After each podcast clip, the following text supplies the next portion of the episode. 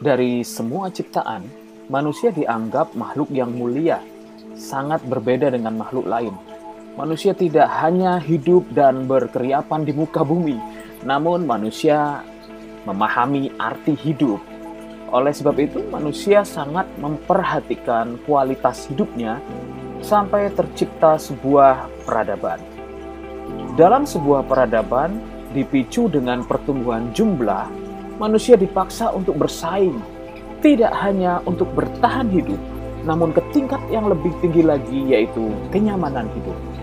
Oleh sebab itu, manusia mengalami pertumbuhan intelijensi, teknologi, dan kebudayaan, sehingga modernisasi dapat kita rasakan sampai saat ini. Tetapi semakin tingginya tingkat kecerdasan manusia diiringi dengan semakin bertambahnya tingkat kebutuhan manusia akan pleasure, Manusia banyak menciptakan hal-hal baru yang membuat hidup manusia lebih mudah.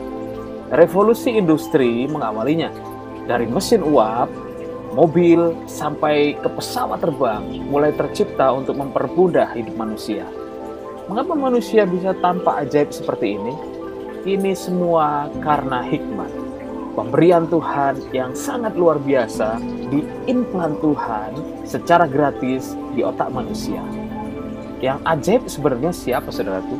Tuhan atau manusianya? Namun kemajuan zaman tidak diiringi dengan takut akan Tuhan. Sehingga hikmat yang berlimpah-limpah, pengertian yang meluap-luap menjadikan manusia sombong dan tidak merasa membutuhkan Tuhan.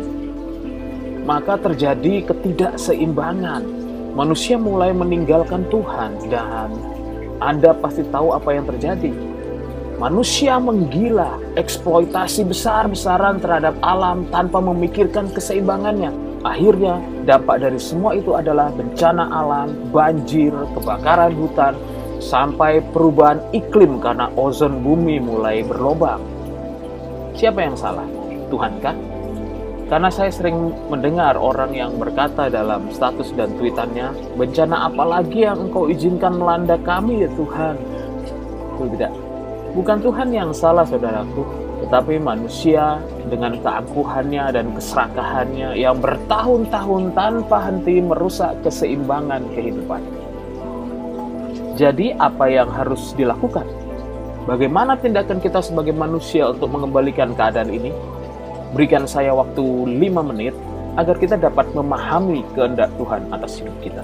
Ayub 12 ayat 12 sampai 13 mengatakan, Konon hikmat ada pada orang yang tua, konon hikmat ada pada orang yang tua, dan pengertian pada orang yang lanjut umurnya. Tetapi pada Allah lah hikmat dan kekuatan. Tetapi pada Allah lah hikmat dan kekuatan. Dialah yang mempunyai pertimbangan dan pengertian. Dialah yang mempunyai pertimbangan dan pengertian. Jadi tanpa Tuhan, hikmat manusia itu tidak berarti, saudara. Seringkali tindakan dan keputusan yang mengatasnamakan hikmat justru berujung pada kehancuran. Mengapa bisa demikian? Peran serta Tuhan dalam kehidupan manusia adalah yang paling utama. Adalah kebodohan dan sebuah kecerobohan jika manusia mengandalkan intelijensinya tanpa mengikut sertakan Tuhan dalam kehidupannya. Bergantunglah pada Tuhan, belajarlah pada firman-Nya dan dekat dengan pribadinya. Mengikut sertakan Tuhan dalam kehidupan kita berarti tidak keluar dari jalan-jalannya.